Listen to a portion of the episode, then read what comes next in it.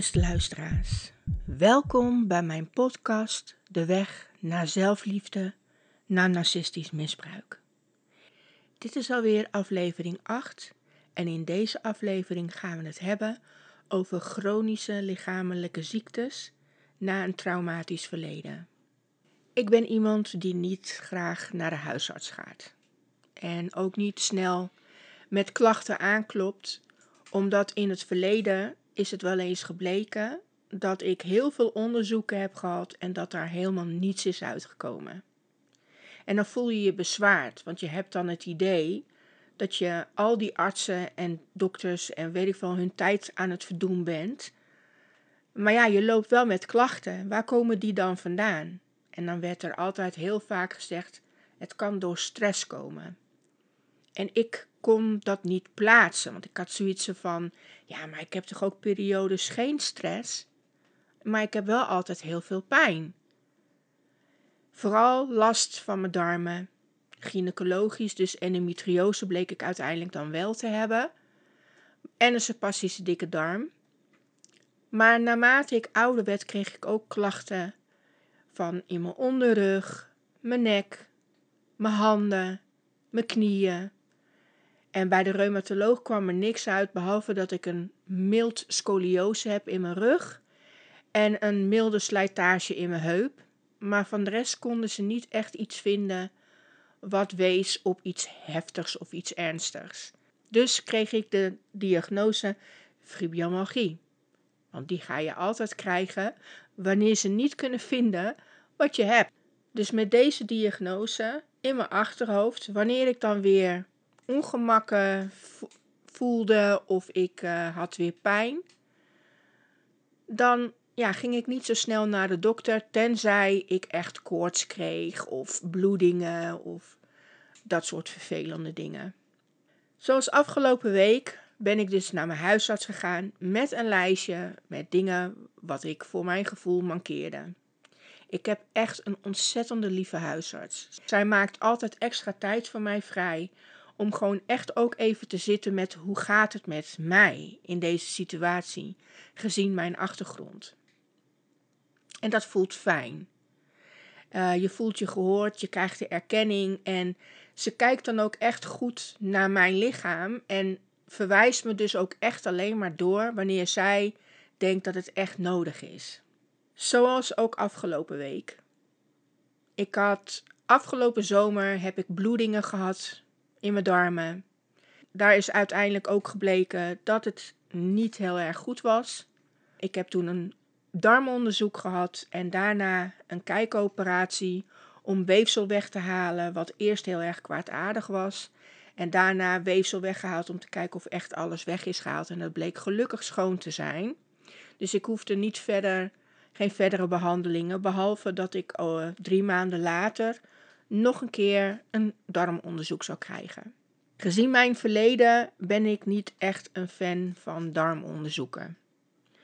Er wordt aan je gezeten en uh, ook al ga je in een rush, roesje, in je onderbewustzijn maak je toch bepaalde trauma's mee, wat ik dan ook weer uit in een gevecht met de dokter. Dit zijn allemaal ongemakken die niet fijn zijn. Ik had ook plekjes op mijn rug die worden dus volgende week weggehaald en op de kweek gezet. Dus al met al is het spannend omdat ik in het verleden, een aantal jaren, ongeveer 12 jaar geleden, ook te maken heb gehad met de beroemde ziekte. En dan krap je nog wel een aantal keren achter je oor. Maar het geeft eigenlijk ook weer aan hoe belangrijk het is dat je naar je eigen lichaam luistert en daar gehoor aan geeft, want het kan ook een keer te laat zijn. En dat is dus wel mijn angst. Want ondanks dat ik niet snel naar de huisarts ga, uh, luister ik nu wel veel beter naar mijn lichaam. En ben ik nu dus waarschijnlijk weer op tijd. En ik heb dus nu een verwijzing voor weer een darmonderzoek. En dat is spannend. Maar als je het dan wel eens deelt met je mensen in je omgeving, krijg je wel eens te horen, tenminste ik heb te horen gekregen, jij mankeert ook altijd wat. Ja, dat heb ik me ook meerdere keren afgevraagd. Jeetje mine, ik mankeer echt van alles. Ik heb het aan mijn hart gehad. Ik heb een TIA gehad. Ik heb nu uh, klachten met mijn handen en mijn pols en ik word 30 januari geopereerd. Ik heb endometriose heb ik gehad, waar ik ook een kijkoperatie voor heb gehad. Maar eigenlijk gaat er geen dag voorbij dat ik leef met pijn. Je leert er uiteindelijk mee leven. Ben ik met een therapeut in gesprek gekomen en die vertelde mij van. Uit een onderzoek is namelijk gebleken dat heel veel mensen die trauma ervaren op zeer jeugdige leeftijd, krijgen later altijd heel veel last van lichamelijke klachten. Dat hoeft niet alleen mentaal te zijn, maar dat kan dus ook fysiek. Als ik bijvoorbeeld naar mijzelf kijk, sta ik altijd aan. Mijn lichaam staat ook altijd aan. Hoe vaak ik mezelf wel niet, nu niet heb betrapt, nu dat ik bewuster ben met mijn lichaam. Dat ik verkrampt zit, dat mijn schouders hoog zitten. Dat ik uh, mijn kaken op elkaar heb. Dat ik continu om me heen kijk. Continu alert ben, omdat ik gewoon wil weten wat er in mijn omgeving gebeurt. En dat is gewoon een automatisme geworden. Ik ben me er niet eens meer van bewust. Ik doe dat gewoon. In de auto merk ik ook heel vaak op dat ik het stuur in mijn handen zo hard vast heb. Dat uiteindelijk het gewoon pijn begint te doen. Wat ik nu dus heb geleerd is om meer stil te staan bij mijn lichaam. Wat gebeurt er met mijn lichaam? Waar voel ik de spanning? Wanneer ik weer pijn in mijn rug heb, zit ik dan weer in een spannende periode, etcetera. En dat is dus ook het geval met mijn darmen.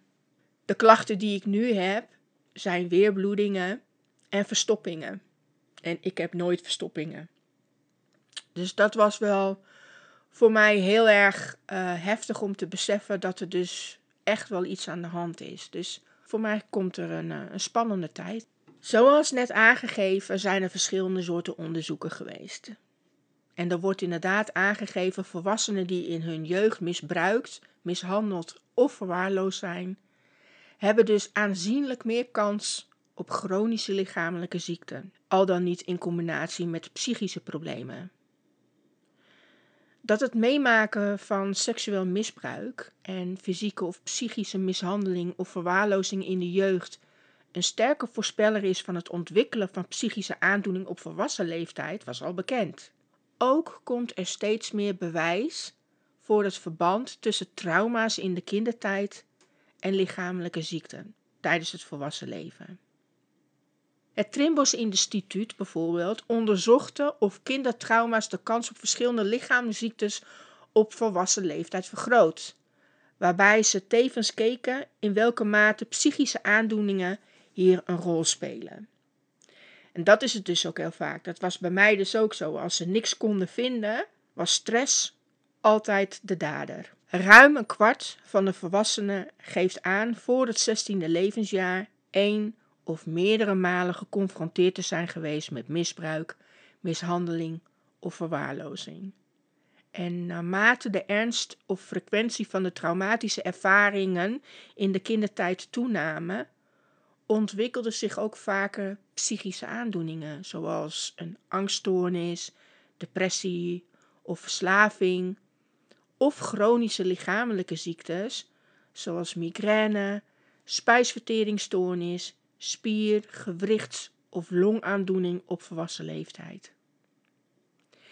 Degenen die aangaven veelvuldig blootgesteld te zijn geweest aan kindertrauma, hadden 2,5 keer vaker kans op twee of meer van deze lichamelijke ziektes. Het verband tussen kindertrauma en lichamelijke ziekte op volwassen leeftijd hing in ongeveer de helft van de gevallen samen met de aanwezigheid van angst en depressieve stoornissen. Het is daarom dus ook heel erg belangrijk dat je dus over je kindertrauma's kan praten met de hulpverleners of de zorgverleners. Omdat ze dan een betere inschatting kunnen maken waar het probleem ligt. Maar daar ligt dus ook gelijk de valkuil. Want als iemand inderdaad weet dat jij een behoorlijk belastend verleden hebt en jij komt met bepaalde vage klachten, kunnen ze dus ook heel vaak denken van oh, maar dat komt door de stress. Oh, dat komt door de spanningen. Want als je in getallen kijkt in Nederland hoeveel mensen er fibromyalgie hebben. En als je dan kijkt naar hun verleden, hoe vaak die ook traumatisch zijn, is echt extreem groot. Vandaar dat het ook pas later erkend is. Want waar het eigenlijk om gaat, en dat is dus de diagnose die ik heb gekregen en nog niet erkend is, is dus chronische pijn. En chronische vermoeidheid. Chronische vermoeidheid wordt nog wel erkend, omdat dat ook vaak gebeurt met mensen die bijvoorbeeld langdurig ziek zijn geweest of een aantal behandelingen hebben gehad waardoor ze vermoeid raken en hè, in een bepaald patroon zitten, et. Maar chronische pijn, ik hoor heel vaak van de fysiotherapeuten waar ik bij ben geweest, dan zeggen ze van ja, ze noemen het fibromyalgie, maar het is eigenlijk chronische pijn. Omdat wanneer iemand trauma heeft ervaard, is continu alert, is continu aan. Je schrikt sneller, waardoor je veel meer spanning, aanspanning hebt. In je slaap kan je veel vaker aanspannen door dromen of nachtmerries die je hebt. Doordat je zo alert bent, sta je op scherp. En dat maakt dus dat je uiteindelijk een overbelasting krijgt in je spieren en in je zenuwstelsel. Doordat je hersenen continu communiceren met jouw spieren, met jouw bloedvaten en met jouw zenuwstelsel.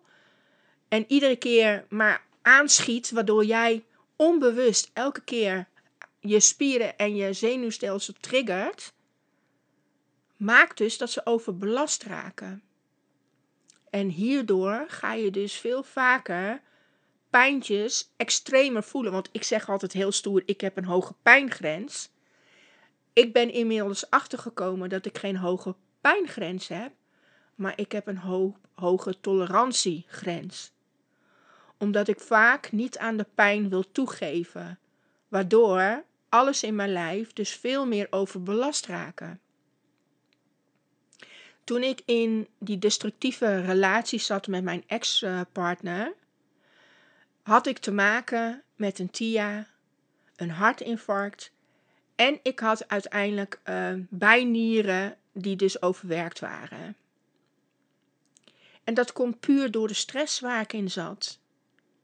De hele dag door ben je alert omdat je samenwoont met een mishandelaar en samenwoont met iemand die je heel graag wil vertrouwen, maar dat niet doet.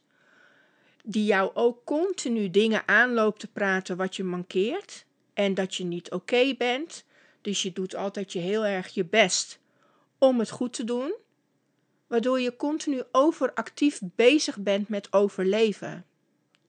Dus een hele overlevingsmechanisme die ik vanuit mijn jeugd tot aan, ja eigenlijk nu, maar goed, ik ben nu vijf jaar in rustig vaarwater. Dus dat ja, is vanaf mijn jeugd tot mijn 45ste jaar heb ik continu aangestaan. Het werd gezien als ADHD, omdat ik continu overactief was. Ik was chaotisch, um, ik vergat dingen. Uh, en er waren mensen die er heel erg om konden lachen. Maar eigenlijk was het een groot probleem. Want ik wilde alleen maar bezig zijn. Bezig zijn om niet te hoeven voelen. Bezig zijn om niet met mezelf bezig te zijn. Ik was continu met andere mensen bezig. Puur alleen maar omdat ik een enorm hoog please gedrag had. Hè, dus de codependent rol die ik uh, jaren heb gedragen. Dus je hebt nooit rust. Totdat ik in de depressie kwam. Toen ik in de depressie kwam, en mijn lichaam echt aangaf: het is over, het is uit, het, uh, het is klaar, ben ik pas echt in mijn ruststand gekomen. Mijn depressie heeft eigenlijk mijn leven gered. Daar komt het eigenlijk op neer. Want door die depressie ben ik me gaan isoleren, ben ik uh, op, meer op mezelf gegaan. En uiteindelijk is er hulp gekomen omdat het gewoon echt niet goed met me ging. Waardoor ik ook meer gericht op mezelf ging richten. Dus echt bezig was met mijn eigen lichaam, mijn eigen identiteit en mijn eigen mentale staat. Ik was dus onder behandeling van de cardioloog en ik heb een loop monitor, dus zo'n monitor die dus mijn hart volgt en dus doorgeeft aan het ziekenhuis dat mocht er inderdaad iets zijn, dan worden de hulpverleners ingeschakeld. En die gaven dus al aan dat ze wel inderdaad, ehm, hoe noem je dat, drop-out zien. Dus dat mijn hartslag soms heel laag is. Maar hoger uh, dan het gemiddelde wat ik had. Dus mijn hart is eigenlijk herstellende. En dat is gekomen doordat ik nu meer bezig ben met pauzes nemen. Hè? Want vaak als ik aan het klussen was bijvoorbeeld, of uh, aan het schoonmaken, ging ik als een meteen door. Want alles moest heel snel en snel en, en, en het moest af die dag. Ik gaf mezelf nooit rust. Nu als ik klus, deel ik het in een aantal dagen. Zodat ik mezelf niet ga overwerken. Dat ik elk uur een half uur pauze neem.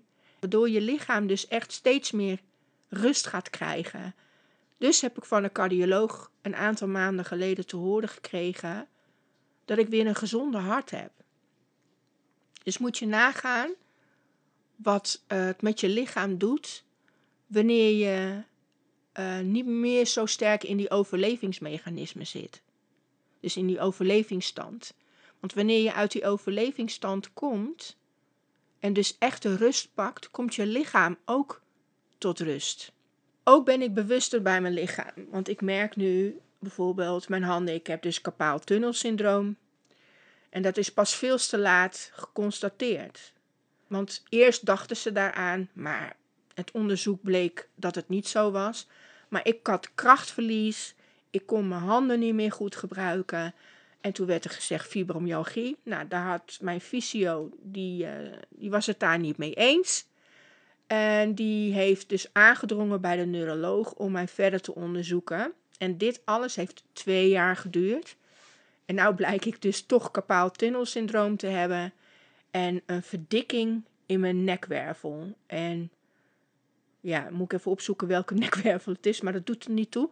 Maar het komt erop neer dat daar een verdikking zit en dat kan er dus inderdaad uh, voor zorgen dat wanneer ik inderdaad te veel doe en uh, te actief ben of te gespannen ben, dat die verdikking dus de zenuw afknelt en daardoor verlies ik dus kracht in mijn benen, in mijn handen en in mijn armen. Allemaal heel erg logisch verklaarbaar nu, maar het heeft wel twee jaar geduurd voordat ze daarachter kwamen. En 30 januari word ik dus voor mijn kapaaltunnelsyndroom geopereerd. Ja, en dan hoop ik dat dat uiteindelijk verlichting gaat geven en ik mijn hobby's et cetera weer op kan pakken. Inmiddels is het voor mij wel duidelijk dat echt naar je lichaam luisteren ontzettend belangrijk is.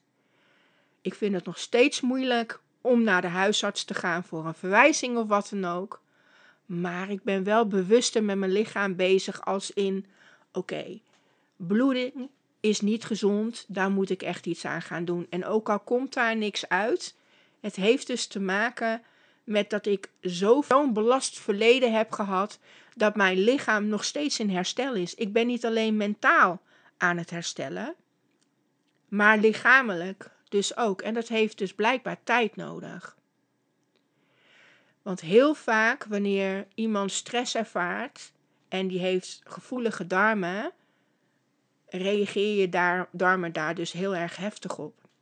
Mijn leven is op dit moment goed, veilig, rustig. Het kabbelt lekker voort.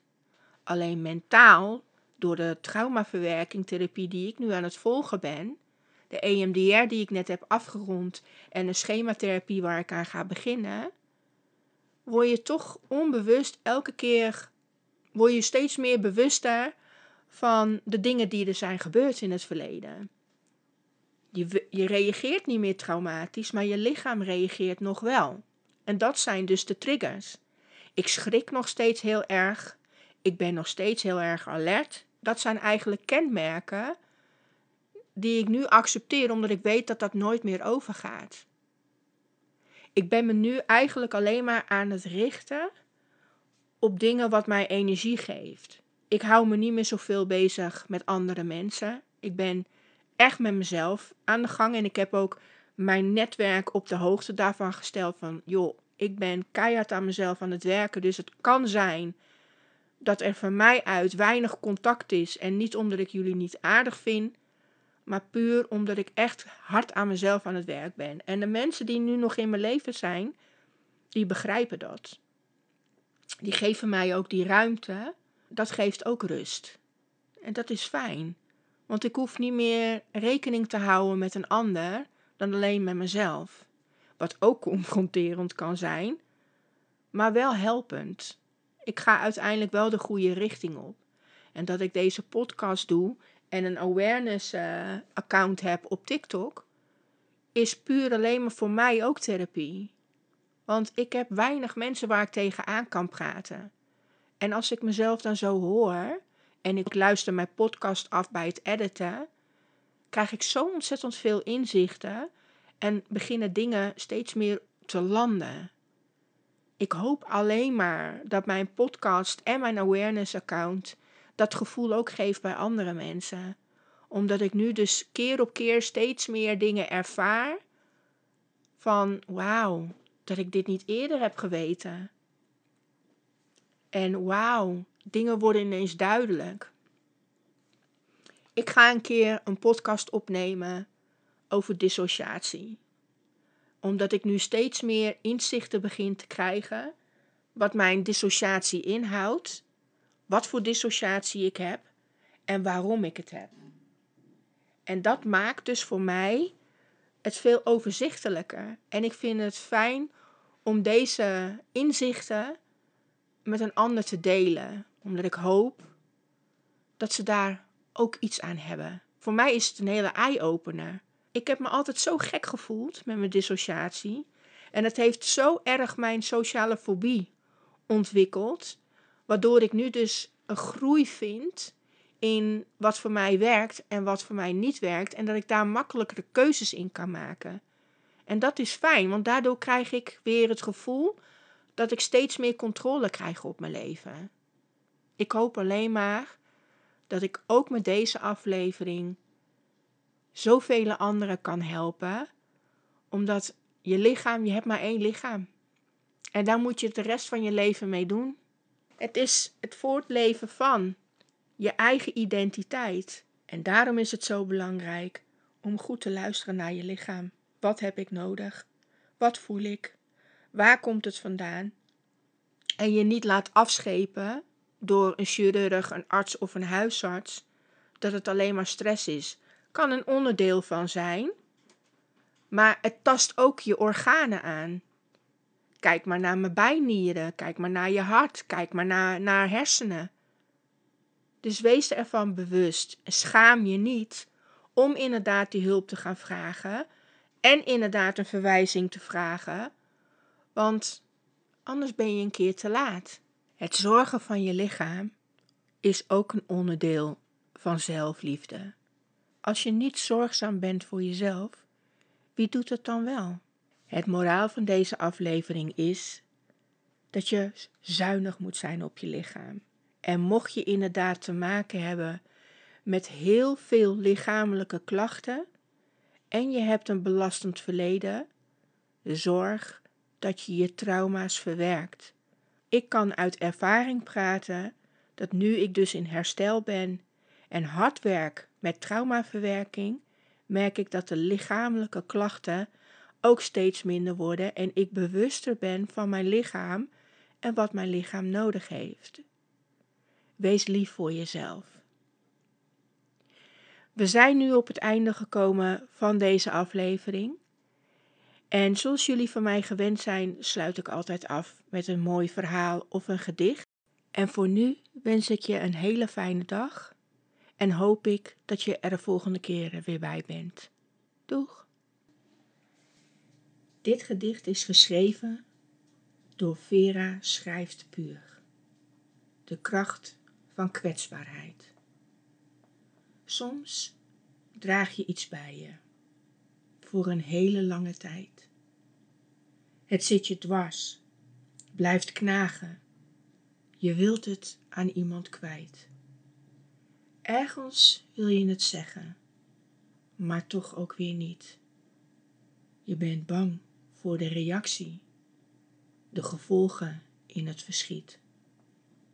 Er is een stemmetje in je hoofd dat constant zegt: wat als? Je vult in wat kan gebeuren, maar die verwachtingen zijn vals. De juiste mensen waarderen het, ook al had je het niet verwacht. Het tonen van jouw kwetsbaarheid is geen zwakte, maar een kracht.